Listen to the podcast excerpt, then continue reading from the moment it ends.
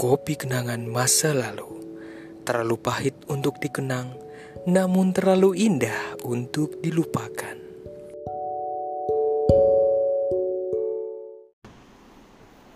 Oke, mari kita bicara soal mengatur keuangan dengan bijak setelah menikah. Disclaimer dulu ini pengalaman dari gue um, setelah menikah ya. Jadi ini pengalaman pribadi.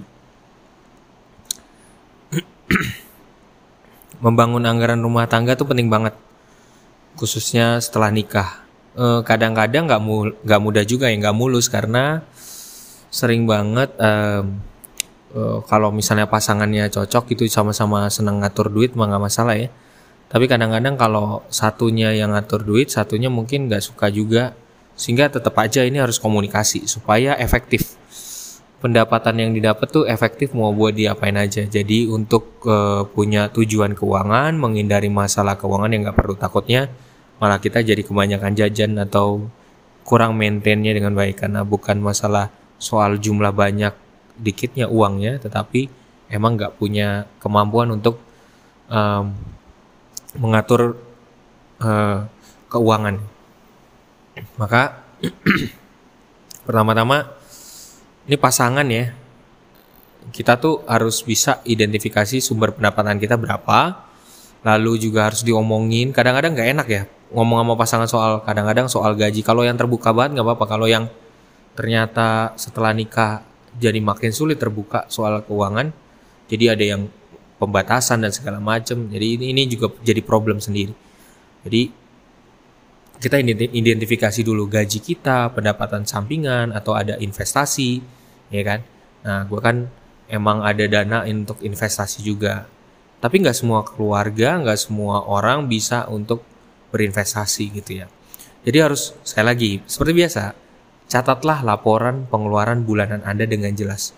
Semua biayanya, dari cicilan rumah, transportasi, atau asuransi, pembayaran utang. Biasanya setiap tanggal 27 gue suka buat laporan keuangan ini. Sehingga kita bisa tahu, melihat di masa depan kira-kira berapa banyak uang yang tersisa setiap bulan gitu.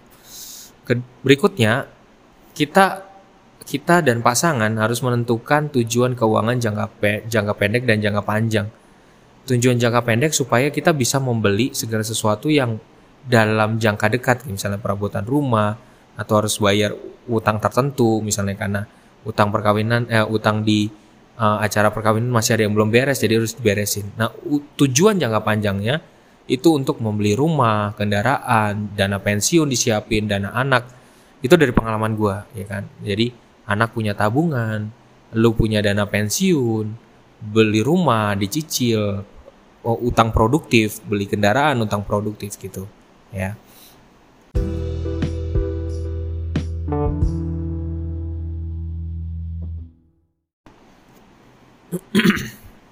Memang kadang-kadang membangun proses untuk mencatat anggaran bersama ini butuh keterbukaan sih. Harus saling pantau, evaluasi, terus kemudian anggarannya diseleksi. Paling nggak lu jujur sama pasangan lu untuk ngomong nih tabungan anak sekarang segini, tabungan gue segini, tabungan punya lo segini, misalnya THR-nya ada nih yang masih sisa, punya lo ini segini. Jadi harus transparansi. Karena transparansi itu penting banget sebagai sarana komunikasi gitu. Jadi per, kita komunikasi itu bukan hanya cuman cuap-cuap doang bukan, tapi keterbukaan, kejujuran satu sama lain. Ada saat-saat momen-momen harus membagi waktu untuk saling mendengarkan, berdiskusi, walaupun sejengkel apa pun sama pasangan. Gitu. Membangun anggaran rumah tangga butuh disiplin banget dan kesabaran. Sekali lagi butuh disiplin dan kesabaran karena biasanya cenderung pahanya terjadi pada salah satu pasangan yang mampu membangun anggaran rumah tangga gitu. Jadi ngeri banget kalau ada macam-macam godaan yang membuat kita pengen habisin uang kita karena sekali lagi karena kita nggak punya perencanaan keuangan jadi penting banget so penting banget selagi masih pasangan muda belajar gimana kita belajar mencapai um, suatu stabilitas finansial. Karena biasanya di awal-awal tuh suka ribut antara pasangan. Ini dan itu ini dan itu ini nggak nyampe dan segala macam tapi perlu komunikasi yang lebih sering gitu. Ya Eh, dan pada saat dan ini belajar dari pengalaman gue pada saat anda berkomunikasi soal keuangan hendaknya jauhilah untuk saling sikap saling uh, saling merendahkan antar pasangan. Justru harus saling support kalau udah saling merendahkan antar pasangan udah deh. Pasti kebawaannya salah satunya jengkel. Itu ya. Thank you dari gue uh, nantikan um, uh, podcast gue yang lainnya. Khususnya untuk keluarga muda. Bye bye.